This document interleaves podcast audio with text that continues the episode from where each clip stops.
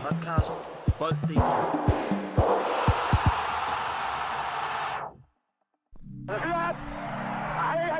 Professionel fodbold handler også om bare at håbe på det bedste. Hvis du sætter Martin Jørgensen helt op foran, så Brian og Michael ind, uh, ind midt for helt op foran, og Ebbe Sand helt op foran. Og Kasper Dahlgaard. Helt op foran med ham også. Dobro jutro, dobro jutro. Runde 4 er næsten afsluttet, og øh, ja, Randers de fik sgu jo endnu en gang test. Den her gang, der blev det jo til 5-0 til FC Nordsjælland. Efter de jo sidste uge, der tabte de jo med 4-0 til FCK. Så hvordan står det til i Randers, og skal de måske frygte en nedrykning? Det er noget af det, vi skal vende i dag. Og så skal vi også en tur forbi øh, børnehaven i FC Nordsjælland, for de blev jo bare ved. Som sagt, i weekenden, der gik det ud over Randers. Og er de måske større udfordrere, end man lige gik og troede til, øh, til titlen mod FCK? Så til allersidst, der skal vi altså have kåret en øh, top 3 over træner i Superligaen. Ikke hvem der er årets træner, nej, men hvem der egentlig er den bedste. Og så er det også lidt sjovt at lige høre, hvad præmissen for sådan en er, øh, for sådan en kåring er, fordi at der kan være mange overvejelser, og, øh, og hvilke klubber de forskellige træner i. Det er altså emnerne i, i dagens afsnit, og som altid, der er jeg ikke alene her. Lasse Forsgaard, velkommen til. Mange tak. Lige et, øh, et introspørgsmål, inden vi øh, kommer videre. Hvem tror du bliver fyret først egentlig? Tror du, det bliver Jesper Sørensen eller Rasmus Bertelsen? Rasmus Bertelsen. Tror du det? Ja, det tror jeg. Det tror jeg ikke. De har ikke vundet 10 kampe. Men tror du ikke, de har mere ro på i Randers, også øh, med pressen og det tryk, der er udefra, kontra det Jesper Sørensen? Hmm. Altså, der er 100% større pres i Brøndby, og Lunden er også kortere der. Men jeg vil sige, situationen i Randers, det, det Randers hold, vi ser nu, det er jo slet ikke til at genkende. Så jeg tror, hvis man kigger på, hvordan det er gået efter Thomas Berg stoppede, så tror jeg simpelthen, man vurderer, at der skal noget nyt til, nogle nye kræfter, fordi det er Randers hold, det er et hold, der har tabt 9-0 over de sidste to kampe. Godt nok til de bedste to hold i Superligaen, men uh, jeg kan ikke genkende det Randers hold og de dyder, der har været der tidligere, så jeg tror, der skal noget nyt til. Og dermed, velkommen til lige på. Mit navn, det er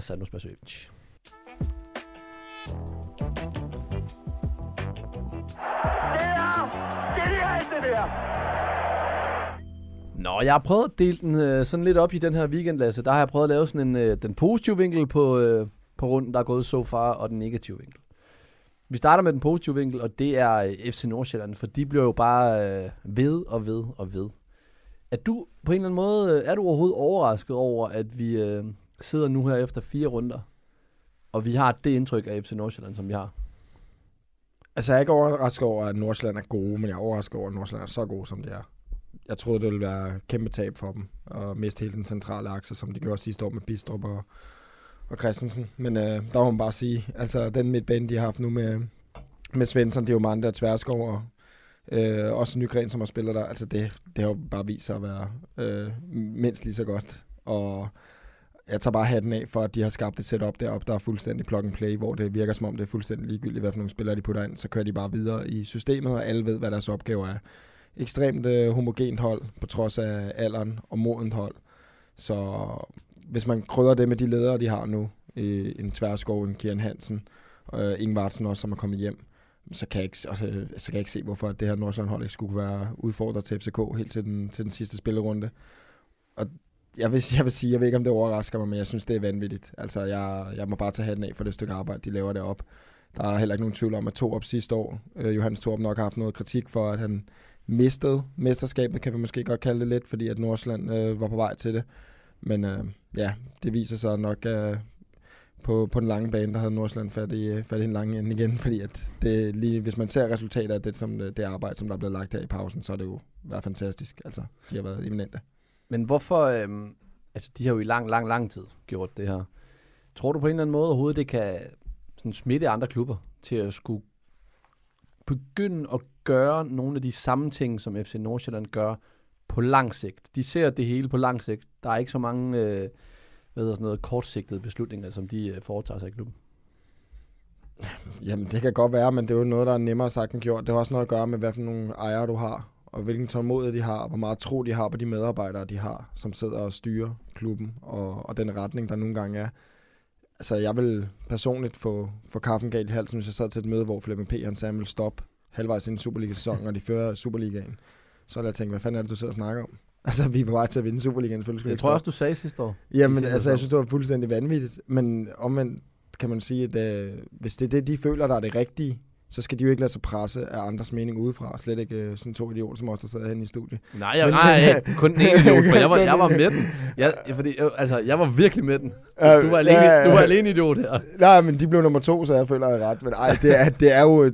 De gør nogle ting deroppe, hvor vi nogle gange så ryster på hovedet. Men for det meste, altså, så må vi jo bare tage hatten af. Fordi at, når man tænker på, hvilke midler de har, hvilke spillere de har sendt afsted, hvordan deres opskrift på succes deroppe i forhold til det her med at udvikle spillere, øh, skyde dem afsted til udlandet, få en masse penge. Ikke gå ud og hente dyre spillere på samme måde. De er begyndt at gøre det lidt mere Ja, nu. De er det at gøre det lidt mere nu. Men stadig det der med bare at blive ved med at udvikle spillere. Altså, det er jo, som vi har snakket om tidligere, det Nordsjælland gør, er jo ikke bare højeste hylde i Danmark i forhold til talentudvikling. Det er måske højeste hylde i Europa. Mm. Altså, de har tit vundet flere af statistikkerne i forhold til gennemsnitsalder og salg og så videre. Så det er bare, det er vanvittigt. Altså, det er vanvittigt, og vi, jeg synes, det er fedt nu, at Nordsjælland kan være mere i mesterskaberne, for jeg synes, det der vil være pisse ærgerligt, det er det der med, at du har en opskrift på en succes, som vil kunne give mesterskaber, men at du så bliver ved med at sælge spillerne, inden at det kan nå at give noget. Og der virker som om nu, at de er lidt mere afventende i forhold til at at holde spillerne lidt længere måske. Men året, altså sidste sæson, der var de jo selvfølgelig helt fantastiske og kæmpede med om titlen. Året inden, der var de jo på et tidspunkt øh, rimelig vaklende. Altså, øh, Ja, det var med Altså- Flemming i starten. ja, præcis. Altså, hvor det var, at, at, øh, at der var tale om, altså, hvad, hvad, hvad er det, der foregår i klubben, og så vendte de det så i sidste sæson. De har jo rigtig, rigtig mange unge spillere. Super ung start 11 også. Og det har som sagt også gået op og ned. Men tror du, at, at vi måske er på vej til at se et anderledes udtryk for FC Nordsjælland? Et måske mere stabilt? Ja, jeg kan godt forstå din pointe. Altså i forhold til, til den type spiller, de har hentet ind nu, som de er begyndt at gøre, synes Ja. jeg jo, at det er, jeg ved ikke om man kan sige, det er en ny retning for dem. Men det er i hvert fald en retning, der går mere af, at det ikke kun er en udviklingsklub FC Nordsjælland. Det er også en klub, som der vil kæmpe mere om mesterskaber. Altså Tverskov-signingen, øh, Marksen-signingen, Kian Hansen-signingen. Det er jo ikke fordi, at Nordsjælland ikke har haft ældre spillere tidligere. De har haft dem til Liga også tidligere. De har haft andre ældre spillere. Men mange af dem har haft en Nordsjælland-baggrund. Ja. Og nu henter de spillere, som ikke har en Nordsjælland-baggrund. Men kan, kan det rokke ved noget? Altså, kan det sådan flytte i forhold? Fordi når man henter nogen, der har været i klubben tidligere, så kender de klubbens værdi, og de kender, de ved, hvordan klubben ja, er. men altså, jeg, jeg tror, hvis du spørger dem, så vil, så vil de signings, det vil ikke kun være i forhold til præstationer på banen. Det vil lige så meget stadig være en del af den samme plan i forhold til udviklingen. Mm. Fordi der er stor for, altså en træner kan stå og sige nok så meget, men det er nemmere inde på banen at have en ledertype rundt omkring sig, som en Kian Hansen, øh, en Tværskov. Dem, der er 5 meter fra dig inde på banen. De, de giver jo, de har noget erfaring, de har noget know-how, de har nogle ting, de kan give videre til spillerne inde på banen. Og nogle gange så lærer man ting af dem, uden man overhovedet behøver at sige et ord, fordi man bare ser, hvordan de øh, gebærder sig. Og der tror jeg, at de er med til at køre videre i opskriften i Nordsland. Det der med at øh, modne spillerne mm. og udvikle dem. Så, så en ting er, at det gør holdet bedre som helhed, men det er stadig med i den øh, retning, de har i forhold til, at spillerne skal øh, udvikle sig og videre for klubben på et tidspunkt. Men jeg hører også Ingvartsen sige i, øh, jeg tror det var i Offside, hvor han siger, at da han kommer til Nordsjælland, der har de jo også rykket sig som klub. Nu tør de at sige, at altså, nogle andre ting, end de gjorde, dengang han smuttede fra klubben. Og han er også kommet til en klub nu her, hvor det er så let at falde ind. Altså, der er allerede øh, mønstre, og øh, alt er på plads i forhold til hver position, så det er så let at glide ind. Så det er måske også den her vej nedefra for de unge spillere. Den er jo meget lige til for dem, i forhold til det, at de bare er next man up i et system. Ja, og det, det er jo også, øh, kan jeg godt afsløre, at jeg ikke har to dem med som en af de tre trænere i forhold til den bedste træner i Superligaen, og det kan jo sagtens være en kæmpe fejl. Men, Men der er vel også lidt, for lidt data ja, på der var lidt data på ham, og så ud over det, så føler jeg, som du siger, at det her, det er et kæmpe teamwork, der har været i Nordsland. Et fundament, der er blevet skabt over mange, mange år. Altså, det har taget mange, mange, mange år øh, Ja. at skabe det, de har skabt her. Så der er, der er mange, der har været med til at bidrage til den udvikling, der har været, men jeg tror, at det er ingen Ingvartsen udtalelse, det synes jeg også, at- at vi andre kan se jo i Nordsjælland. Det er, at der har været den her udvikling. Øh, ikke bare, at det har været en klub, hvor at man kan gå ud og sige, altså det har, vi har tidligere nærmest været ved at kaste op i munden, når vi har hørt, Mm. at der blev udtalt, om det gør ikke så meget, vi tabte i dag, fordi at jeg synes, vi spiller bedre og bedre. Ja, Og det, er- altså, det, det, come on. Ja, jamen, det er det, Det, altså, det, som fan vil jeg, du ved, der vil, der vil jeg, hvis jeg var fan af Nordsjælland, så ville jeg sige, det der, det kan jeg, det kan jeg simpelthen ikke harmonere med. Altså, det handler om at vinde hver gang. Ja, Og det, jeg ved, selvfølgelig vil du gerne, du kan se positive tendenser i spillet, og du vil gerne udvikle dig som hold, og du ved, at hvis du bliver ved med at have gode præstationer, så på sigt vil det være bedre for holdet. Men hold, det, hold den snak ned i omhængsrummet, når du er ude og snakke til fans alle andre, så er det altså at vinde hver gang. men hvad så med, øh, Så de spiller jo, trods- de spiller jo kunststofbanen. Og der, har, der er jo lidt, det har været, det, det er dem og Silkeborg ud af Superligaens hold, der spiller på en kunststofbane som hjemmebane. Jeg rev selv korsbåndet over på en kunststofbane, så jeg hader fucking en kunststofbane. Er det, hvis man sådan skulle lidt... Er, er det... Og ikke forstå mig forkert her. Er det lidt snyd, at to ud af 10 Superliga, eller 12 Superliga-hold her Nordsjælland spiller på en kunst, det vil sige er fuldstændig hjemme på en kunststofbane. Så der er trods alt forskel på fra det til græs. Selvom at de andre Superliga-hold naturligvis også har en kunststofbane til rådighed.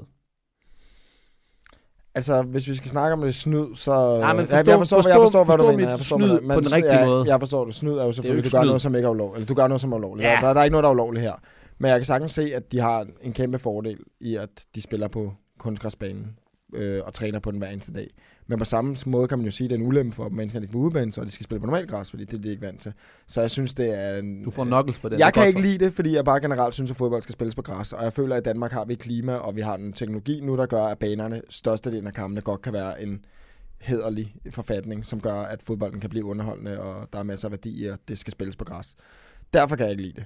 Men øh, som, jeg synes, der er for mange gange, det er blevet brugt som en undskyldning. Øh, Undskyldning af holdene, der Øh, har undskyldning været af holdene, der har været i Nordsjælland. Og jeg, jeg, Men er der noget, Lasse? ikke Fordi nu har, du, nu har du så spillet mod Nordsjælland, øh, mod Nordsjælland for Lyngby og så videre. Er der noget i det? At når Nå, er du møder. Nordsjælland, Ja, at ja. de bare er på hjemmebane, og de føler sig mere hjemme på det der kunstgræs? 100 procent, det er en kæmpe fordel. Okay. Det er jeg ikke i tvivl om. Altså, det, det går så hurtigt, og, måden bolden opfører sig på, den hopper anderledes end på alle andre ja. baner. Og hvis du træner på den hver dag, så vil det give noget. Hvor mange procenter vi skal gøre det op i, det synes jeg er rigtig svært at sige. Men, og så kan man så også sige, at de spillertyper, den spillestil, de har valgt at spille med, der passer det jo endnu bedre også. Så, men jeg, jeg, altså, jeg har aldrig nogensinde selv... Øh, nu skal jeg passe på, hvad jeg siger, men jeg kan ikke Ah. huske, at jeg nogensinde har stået i et interview efter en kamp deroppe og stået og sagt, at jeg er træt af den øh, lortekunstbane. Nu må I lytte, og I Og det, jeg, jeg, ved, jeg, jeg, det er, hund- jeg har sikkert sagt det fem gange, men det er det, jeg er blevet gammel. Ikke? Sidste uge sagde jeg, at Midtjylland har været dårlig i Europa. Der, de har været, faktisk været gode Ja. ja. sidste år. Ja. øh, hukommelsen svigter, ikke? Men øh, ej, der er også... Øh, jeg vil sige...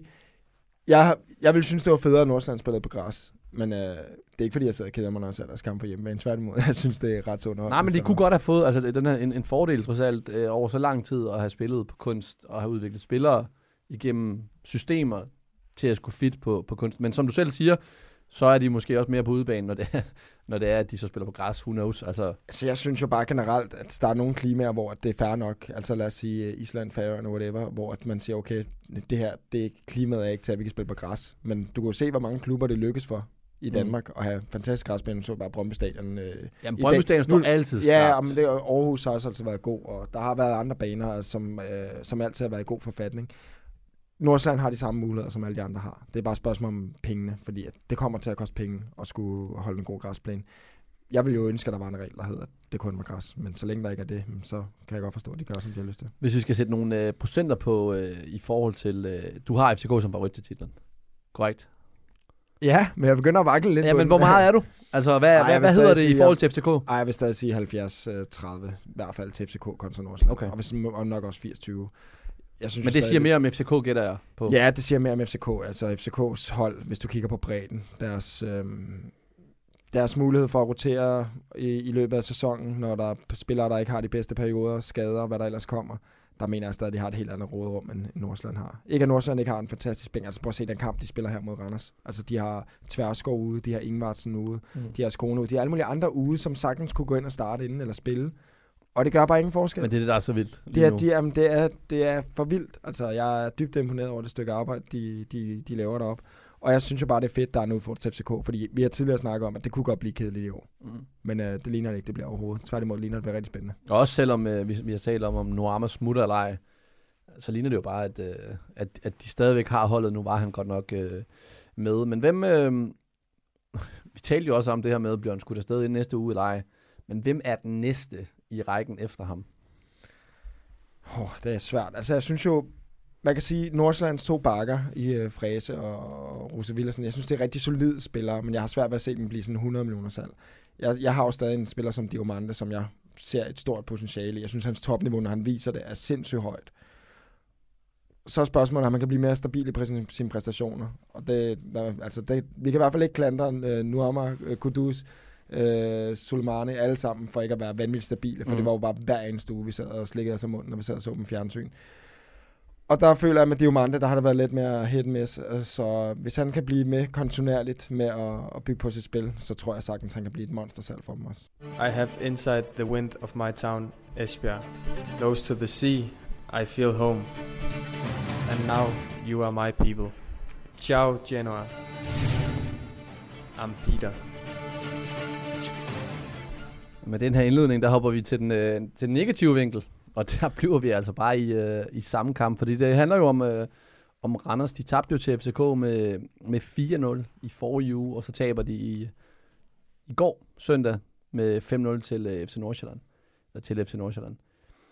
I mange år, der har vi jo kendt det her Randers-hold for at have et bundniveau, der er højt under Thomas Thomasberg. Og nu er det som om, vi ser et lidt anderledes øh, Randershold. Er du øh, bekymret på deres vegne, Lasse, i forhold til øh, sådan på den her sæson, i forhold til, at de skal rykke ned? Jeg er meget bekymret. Jeg er meget bekymret, fordi at som du også selv nævner her, så var det Randershold, vi kender, overhovedet ikke det Randershold, vi ser nu. Det er jo ikke, fordi Randers går ud og taber. De taber godt nok til FCK og Nordsjælland, skal vi selvfølgelig med i mente, men de går ikke ud og taber med ni mål over de to kampe. Fordi de går ud med Silkeborg og Nordsjælland mindset og siger fuld blæs derudad. Nu skal vi bare ud og spille, og hvis vi får en afklapsning, så er det det. Det er en Mm. del af udviklingen. Altså, de prøver stadig at spille klogt og øh, lidt tilbageholdende, lidt på omstillinger, lidt direkte osv. Og det lykkes bare overhovedet ikke. Altså, der er ingen gnist på det hold, og man kan se, at det tab af profiler, de har haft over en lang årrække, begynder at sætte sine spor nu, fordi at, det er jo ikke, fordi de ikke har nogen fine spillere på holdet stadig, det har de. Men altså, de har jo ikke nogen angriber deroppe af de tre forreste i, i Bungo og O'Day og så videre. Øh, Babajan, som der har lavet nærmest mere end fem mål i en Superliga-sæson. Altså, så, så er Nu det der svært. nogen, der kan komme efter dig, hvis du ikke har ret på den men, men, men Jamen, jeg, jeg er ret sikker på, at jeg har ret, men... nej, nej, men det er ikke for... nej, nej, men det, det, det, for mig er det vigtigste at sige, at hvis du, hvis du vil have et hold, hvor du ikke har de her faste målscorer, mm. eller du, en Vito bidrager også med mange mål, uh, Hammershøj, Strati, og der var andre spillere, som der har kunne bidrage med mål. Hvis du ikke har de spillere, der kan score en masse mål, så er det jo vanvittigt vigtigt, at du lukker af bag til. De har lukket 28 mål ind de sidste 10 Superliga-kampe. det De sidste, de sidste to kampe har de selvfølgelig lukket ni mål ind. De har scoret ni mål i de sidste 10 kampe også. Altså der kan du jo allerede se balancen. En målscore på 9-28. 0 sejre i de 10 kampe. Det er de sidste 10 Superliga-kampe for, for Randers. Altså hvis en træner ikke der er fyringstruet, så ved jeg ikke, hvornår han er.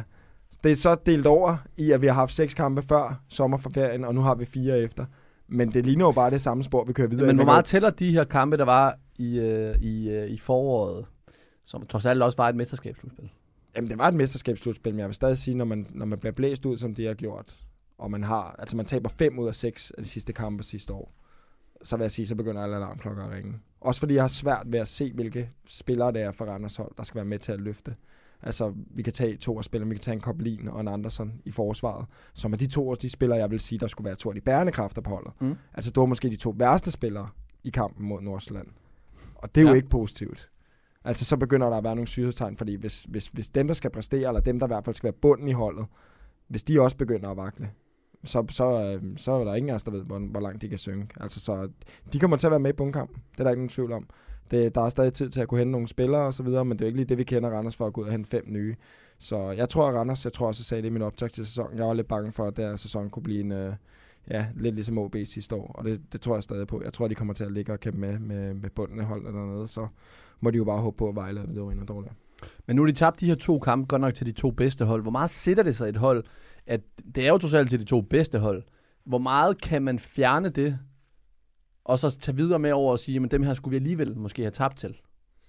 Altså, det er jo trænerens job. Det er jo der, træneren han skal vise, hvad han kan. Fordi han har jo to forskellige... Øh, det er jo næsten ligesom festen film. Ikke? Han har to taler. Den ene, det er den, hvor han går ind og sviner spillerne til at sige, at alt er for dårligt. Og den anden, der han går ind og siger, okay, nu skal vi lige... Kender vi fodboldmanager? Nu siger han, nu skal vi lige... Ja, det er så nemt. Ikke? Så bare tryk på en knap.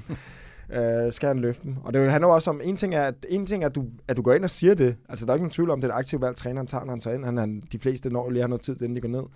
Men, men tror spillerne på det, du siger? Det er jo også noget andet. Ja. Og der handler det her med, hvad for en karisma har du? Øh, hvad for en, øh, hvad kan man sige, hvad for en attitude har du? Hvilken øh, status har du? Øh, er spillerne beundrer de dig, respekterer de dig? Eller er det bare tomme floskler, de, føl- du, føl- de føler, du, øh, du kommer med? Så det, det er vigtigt også, at spillerne de tror på det, træneren siger. De tror på projektet, og de tror på, at øh, vi nok skal forvente situationen. Og der vil jeg sige, altså, det eneste, den eneste medicin, der rigtig er, det er en sejr. Men selvfølgelig kan han godt forvente det her rundt til. Det her det har været noget lort. Det er to kampe, de har tabt med ni mål. Øh, de har ikke scoret nogen mål, de har lukket ni ind. Altså, det er jo katastrofalt jo. Mm.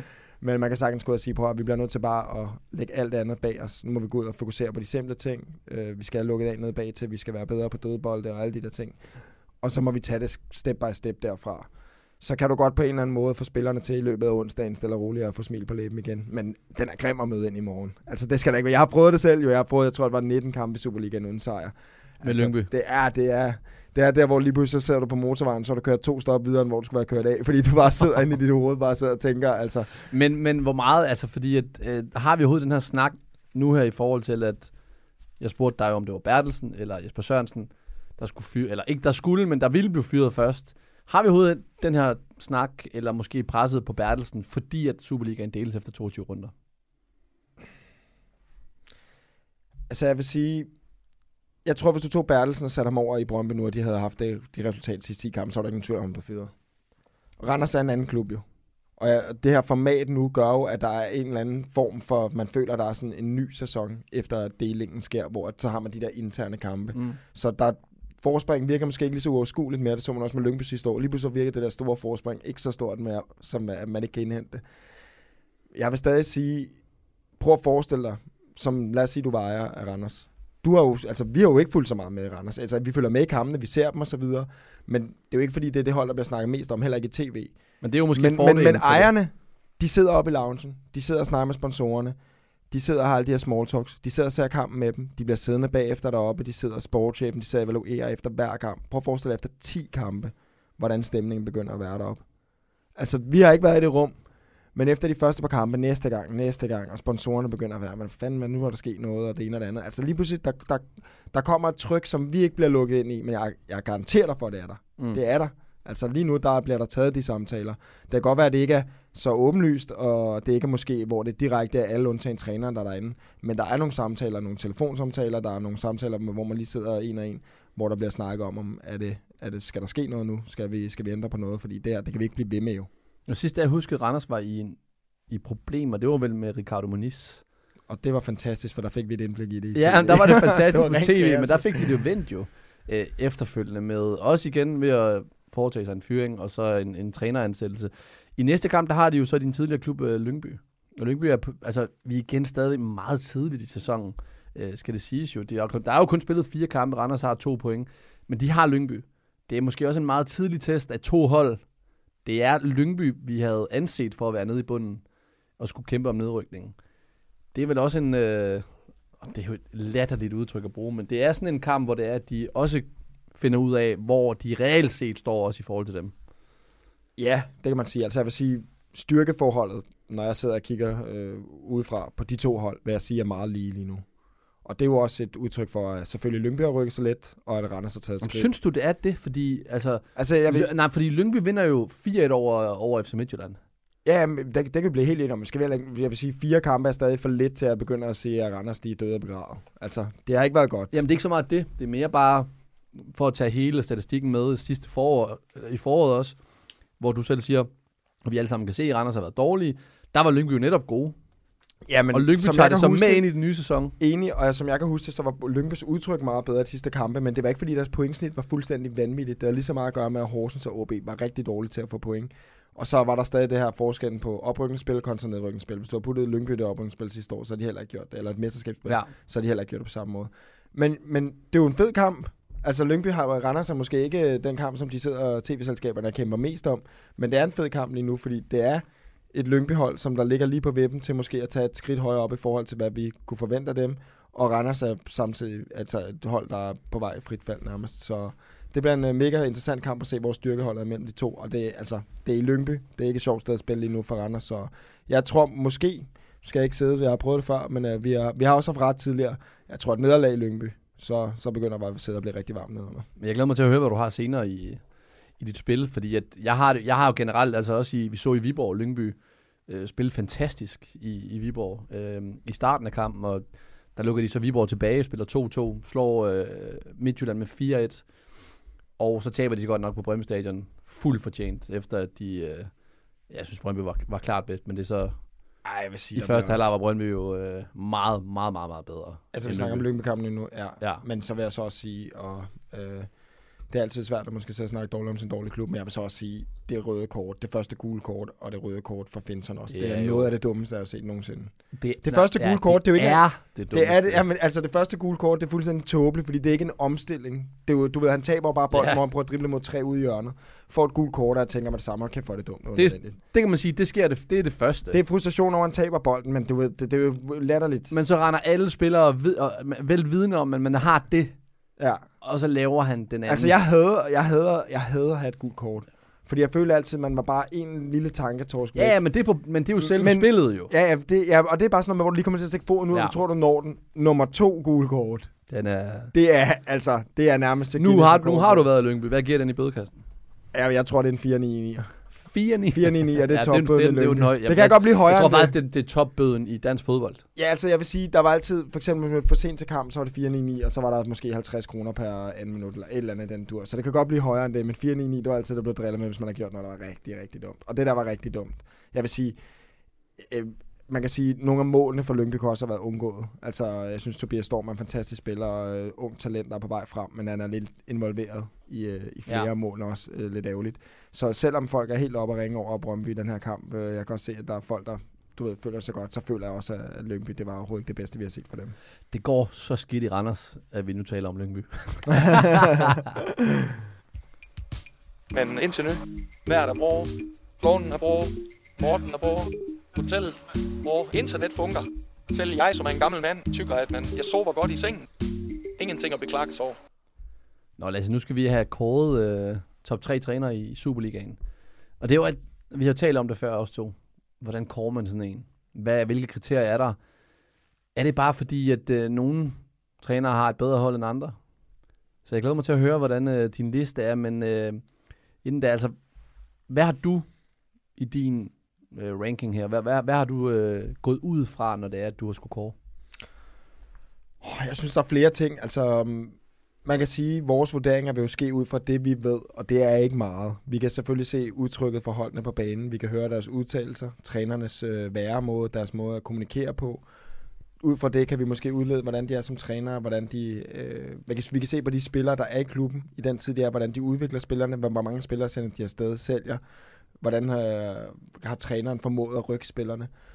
Og så er der, som jeg synes måske er en af de vigtigste ting i forhold til øh, det er det her med autoriteten for træneren også. Fordi at hvis du skal være, lad os sige, emne i FCK, Brøndby og så videre, så skal du virkelig have noget autoritet.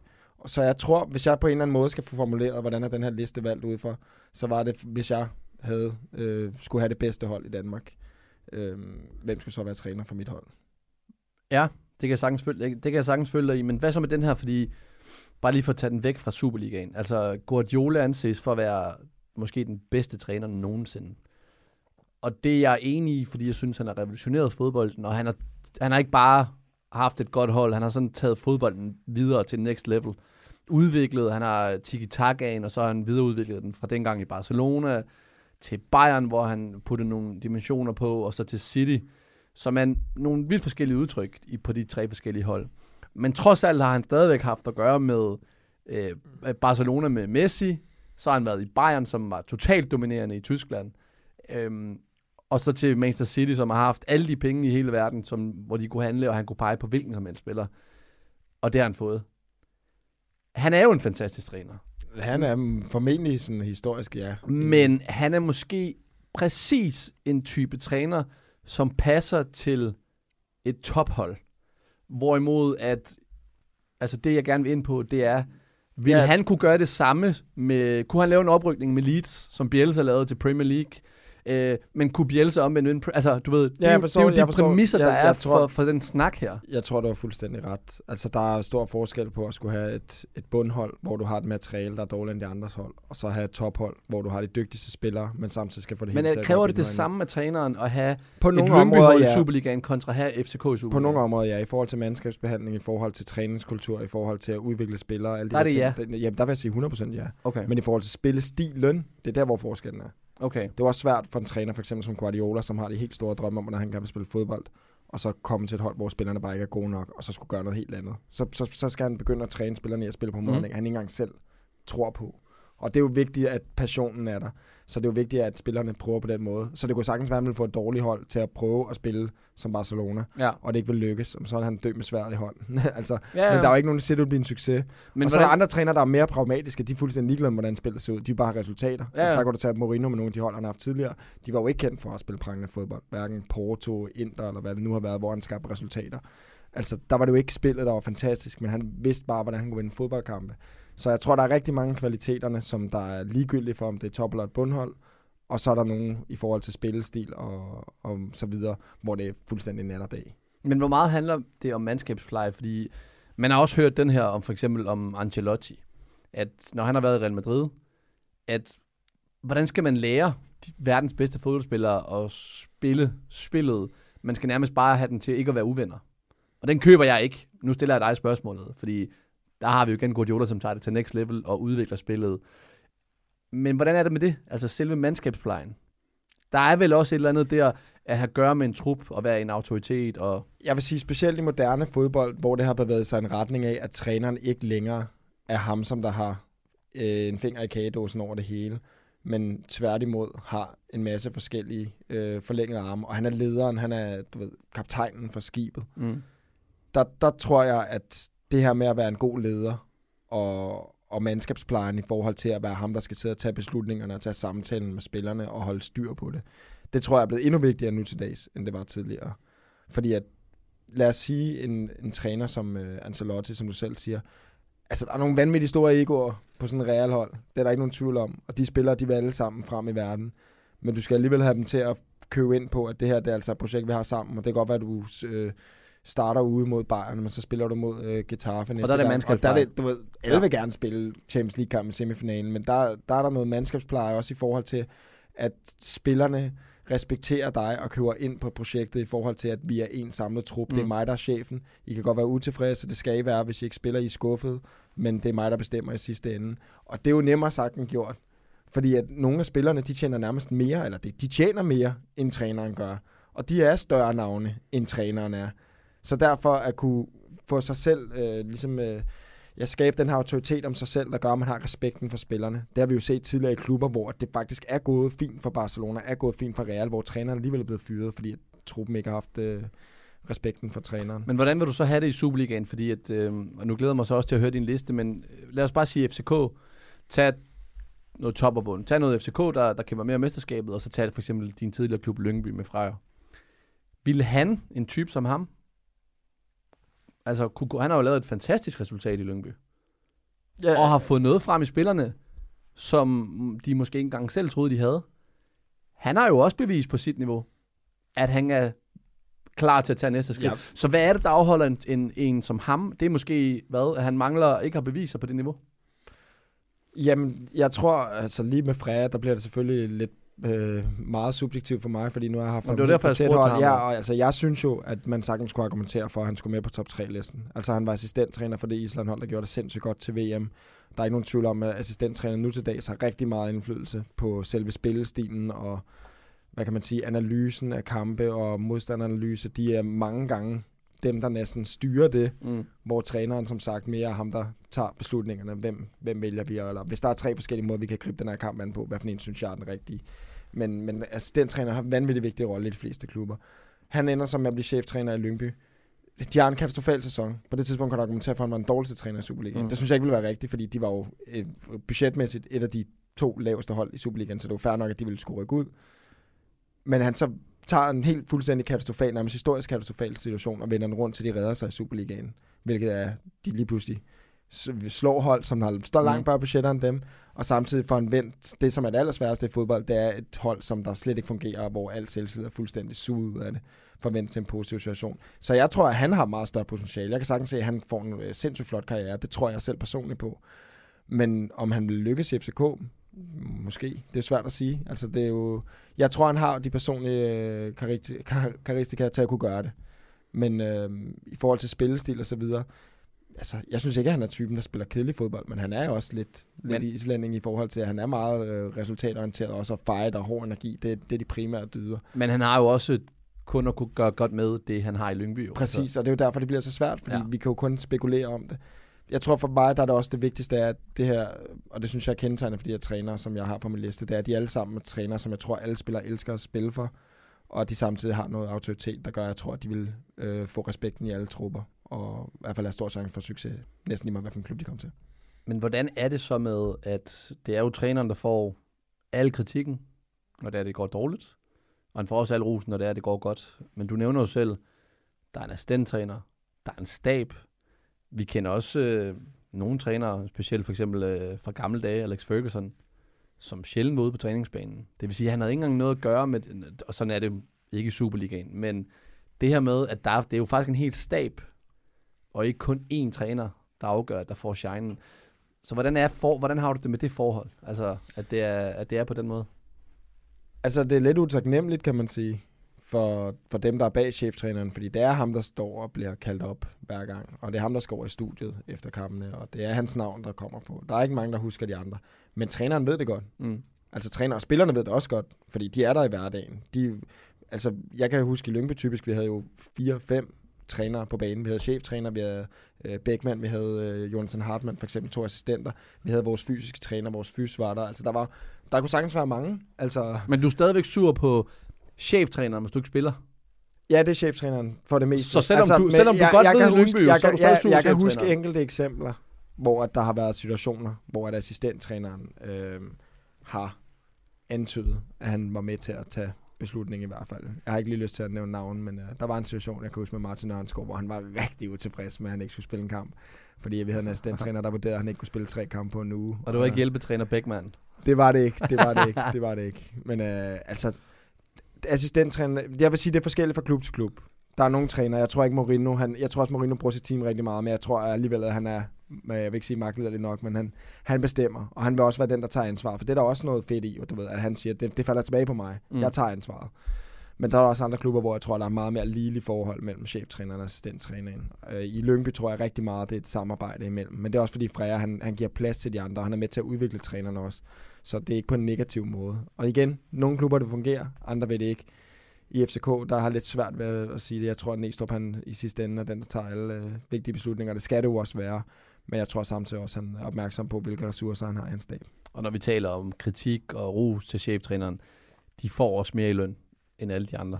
Der er bare meget mere pres. Sådan hænger det sammen. Ja, så som assistenttræner kan du sagtens se din cheftræner blive fyret, og så stadig blive der, men øh, Ja. ja. det, det sker altså sjældent den anden vej, at assistenten, der bliver fyret, og cheftræneren han bliver. Det, det er sjældent, man ser det. Jeg synes, Ikke, er at det ikke kan ske. Jeg synes, det er lidt vildt nogle gange. Altså, altså at, at, at så er det en mand, der ryger, så skal du egentlig arbejde med en anden. en. Men lad ja. det nu være. Vi er nået til din, øh, til din top 3. Lad os bare starte fra, fra tredjepladsen. Hvem, øh, hvem har du over, eller hvem er din nummer 3?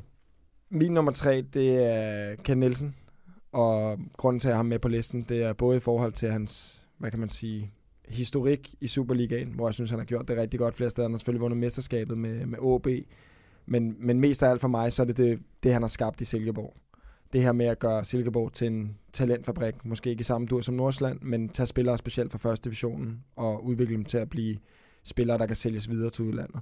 Altså, vi har jo exceptionelt mange spillere, vi kan nævne. Øh, det er ikke kun for første, division- første division, men bare generelt spillere, han har udviklet. Du kan jo tale om en Sebastian Jørgensen, du kan tale om en øh, Madsen, som også gjorde det godt. Carstensen, altså Wallis. Altså, det er så mange spillere. Altså, jeg, kan, jeg sidder i mit hoved, det popper op med navn. Fordi der er så mange, du kan tage Alves også, der, der nu er i Brøndby. Han har simpelthen haft så mange spillere, som han har udviklet og, og taget, øh, fået til at tage et nyt skridt som gjorde, at de var gode nok til at kunne blive solgt for store beløb. Og nu har vi, hører vi om Lukas Engel måske i stedet for over 20 millioner, hvilket også virker fuldstændig vanvittigt, vil jeg lige sige. Til Middlesbrough. Mm, Fuldstændig vanvittigt, men det er jo bare engelsk fodbold. Der er pengene bare nærmest Saudi-Arabisk status, men, uh, Men øh, Men jeg, synes, rejse, jeg, synes, på. jeg synes måske, han er den træner, som kontinuerligt over mange år har vist, at han er bedst til at udvikle spillere. Men det er alligevel, at du nævner Silkeborg-dagen, at han blev trods alt ansat været i Silkeborg i 2019, og han er 61 år, så det er på hans gamle dage, eller her, de, de, de senere år, kan man sige, at han jo har taget den rolle, som du beskriver der.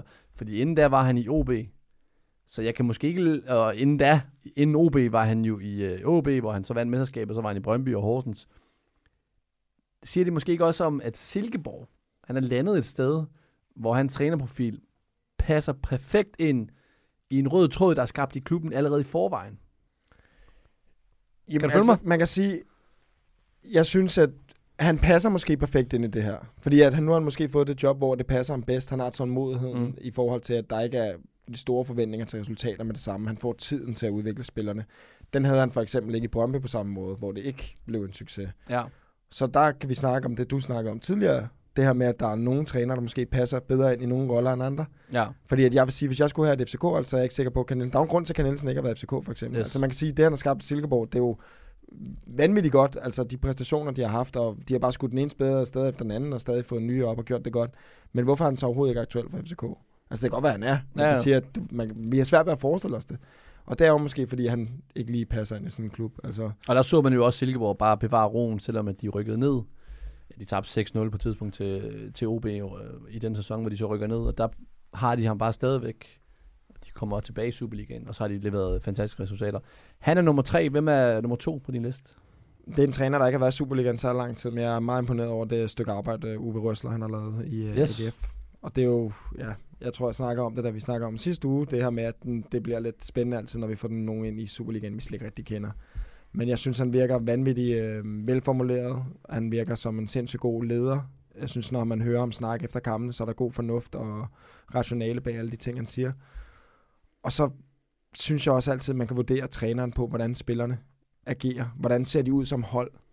Og der må jeg bare sige, at AGF er et ekstremt øh, hårdt arbejdende, disciplineret, øh, dygtigt og modent hold. Mm. Og det har jo, ja, en, det kan man jo i, st- i stor del tilskrive ham. Fordi at det her det AGF-hold, det virker som et hold uden egoer, uden øh, nogle spillere, der træder ved siden af, eller øh, fuldstændig vanvittigt. Der er kommet ro på. Altså Røsler har formået at få ro på i, i Aarhus. Man kan sige, at David fik lidt ro på i forhold til resultaterne begyndte at komme, men øh, han var ikke selv glad for ro på. Han kunne godt lide, at der var kaos, og der var ildebrand i hele byen. Men, men Røsler har jo formået at få en, en ro på deroppe. Og samtidig så har man en fornemmelse af, at det her AGF-hold sagtens kunne bevæge sig endnu mere opad i, øh, i hvad kan man sige, i niveau, hvis de hentede lidt dyre spillere. Fordi Mm. der vil jeg stadig sige, at AGF stadig, altså de har fået altså, en fed offensiv nu, synes jeg, med, med Patrick Mortensen, som jo formentlig kan score mål, til han bliver 70 år gammel åbenbart. Og så øh, har han øh, en Duelund og en Andersson. De er, altså det er fede spillere, spillere, som jeg har jo har haft et top, højt topniveau i Superligaen, men som måske heller ikke har været helt stabile. Altså Duelund var selvfølgelig rigtig god, inden han røg afsted. Men, men det er jo fedt at se de her spillere bare arbejde stenhårdt, og ikke gå så meget op i personlighed og mål og assist og det. Og det fortæller jo også noget om træneren. Ja, ja, 100. Og jeg vil sige, altså, han er, der er noget autoritet der også. Altså, Ja, jeg tror godt, hvis det havde været øh, før 1970, så havde nok været med, med, med, med pisken frem og så videre. Så har du lige fået med, med, med, med, ja, med, jeg vil ikke sige pisken, men du har nok lige fået klask over numsen, hvis Han er jo fra det gamle øst, eller ja, øst Det er den gamle skole, det virker det må vi sådan, er. Men han, jeg synes, han virker som en fed fyr, og jeg vil sige, både med ham og Kent også, jeg tror, det, det, det er den type træner, hvor spillerne de har lyst til at løbe igennem væk for dem. Altså, de, det virker som om spillerne, de nyder at spille under ham, og han, nu havde han den her øh, sag med Jesper Hansen, vanvittigt kompliceret sag for en træner. Mm. Du har to målmænd. Den ene af dem, han er nærmest KFA også nu i, i AGF, og kan generelt være det i dansk fodbold. Og så har du lige pludselig en situation, hvor du har to målmænd, du er nogenlunde samme niveau, og du tænker, skal jeg trykke på aftrækkeren og putte den, den anden ind? Velvidende om det ramaskrig, Og der det vil gør komme. Og det gør han, Ja. men han gør det alligevel på en måde, hvor han siger, at det var vand. Altså, jeg føler, at han giver udtryk for, at man kan nærmest forestille sig, at ham og Jesper Hansen sidder med tårer sammen i øjnene, og ryster han selv og sidder og siger, jeg er ked af det, Jesper, jeg bliver nødt til at gøre det, fordi jeg tror, det er bedst for klubben. Ja. Og altså, det er jo bare ubarmhjertigt. Det er fucking svært at være træner, fordi at du har så mange forskellige øh, beslutninger, du skal tage, som har konsekvenser. Og alle spillerne har deres egen drømme, og nogle Mm. gange så kommer du til at slukke for nogle drømme. Og, og han formår at gøre det på en måde, hvor jeg stadig føler, at 19. mand i truppen, han stadig øh, bakker fuldstændig op, og han øh, tager med glæde til reserveholdskamp øh, på den anden side af sundet. Øh, Ja, men det er jo... ikke, øh, ikke, ikke sundt. Jamen altså, træner har jo at gøre med, hvad, 25 øh, CEOs i deres egen øh, private virksomhed, så det er sådan, det fungerer. Altså, de er bare, det er en svær opgave. Hvorfor, øh, nu er vi nået til nummer et, hvorfor har du Thomas Thomasberg op? Jeg har ikke nogen sommersvær op, men øh, fedt nok. Ej, øh, jeg har Næstrup. Og Næstrup er, synes jeg, jeg kan sagtens forstå, hvis folk kritiserer den derude, fordi det er den nemme. Han har FCK, han har det bedste hold i ligaen, de har det største budget, altså de har jo nærmest det snydehold, og vi snakker om tidligere nu med, hvor mange gode spillere de har. Jeg kan jo kun vurdere ham på, hvad han har gjort i FCK, og hvad han har gjort tidligere. Han så det her Viborg-hold, gjorde dem til... Han var jo med, det var jo nærmest ham, der så de første frå til det Viborg-hold, vi har i dag. I forhold til, at han, de var fuldstændig dominerende i første divisionen, og ender med at rykke op. Han ender så med at rykke tilbage til København. Der var nogle familiære årsager også der. Blev assistent i FCK. Hvor stort aftryk han havde der. Det gjorde ikke fordi det gik, fordi det gik sindssygt godt, så det er lidt svært at sige. Kommer ind og overtager en rigtig skidt situation for FCK. De er måske på det laveste niveau, de har været i, ja, nærmest mands, men i hvert fald, hvad vi kan huske. Og får det vendt rundt til, de vinder mesterskabet, og generelt går fra at være et hold, der laver børnefejl, og virker som et splittet hold, også med grupperinger og utilfredse spillere. Og lige pludselig så bliver det et hold, hvor at man ser et FCK-hold igen, hvor alle trækker i samme retning.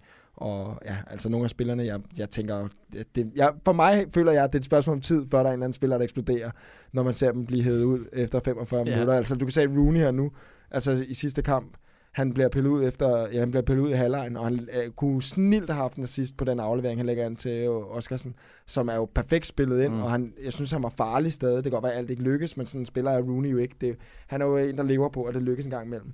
At skulle holde de egoer styr på os, det kræver også en autoritet. Ja.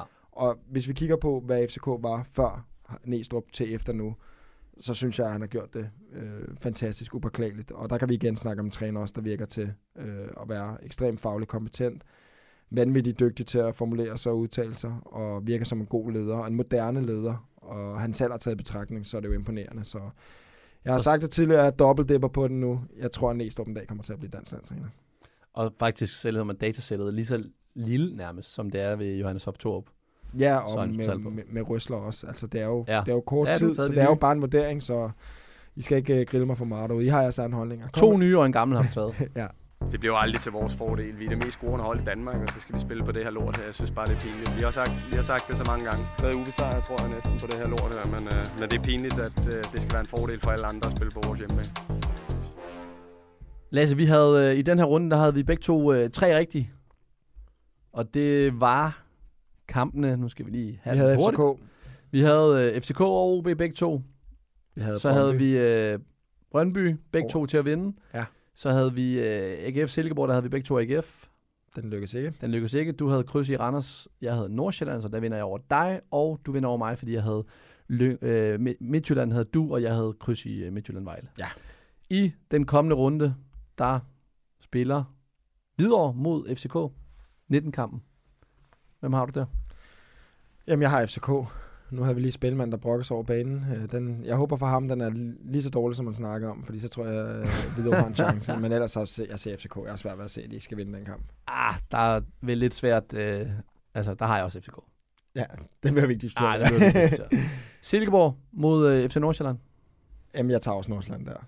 Det er kunstgræs, det, altså, for det virker også som om, at det er Nordsjælland hold lige nu, det er lige meget om det er kunstgræs, græs, øh, asfalt, hvad fanden de spiller på. De spiller bare fantastisk, så jeg synes, det vil være hjernedødt at spille mod dem. Og det vil ikke påvirke noget, at de har en øh, Europakamp.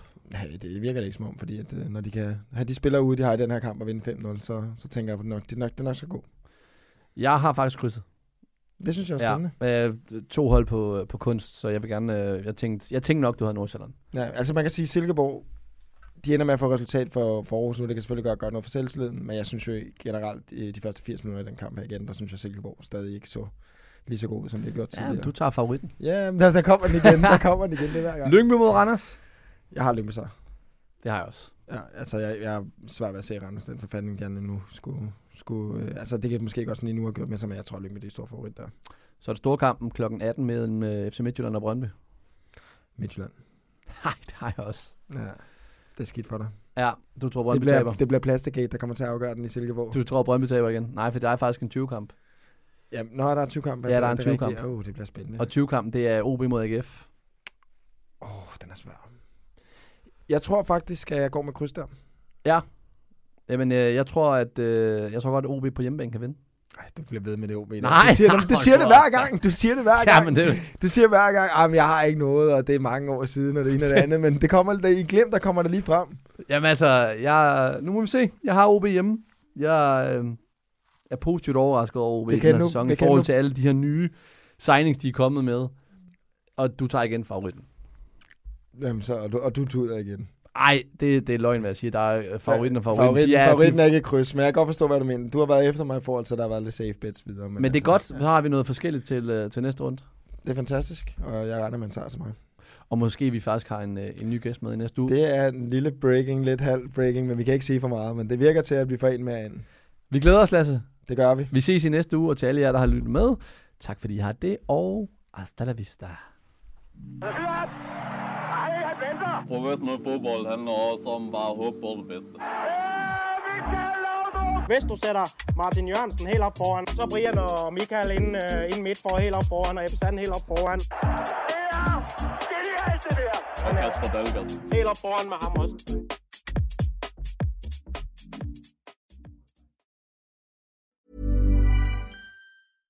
Tired of ads barging into your favorite news podcasts? Good news. Ad-free listening on Amazon Music is included with your Prime membership. Just head to amazon.com slash ad-free news podcasts to catch up on the latest episodes without the ads. Enjoy thousands of ACAST shows ad-free for Prime subscribers. Some shows may have ads.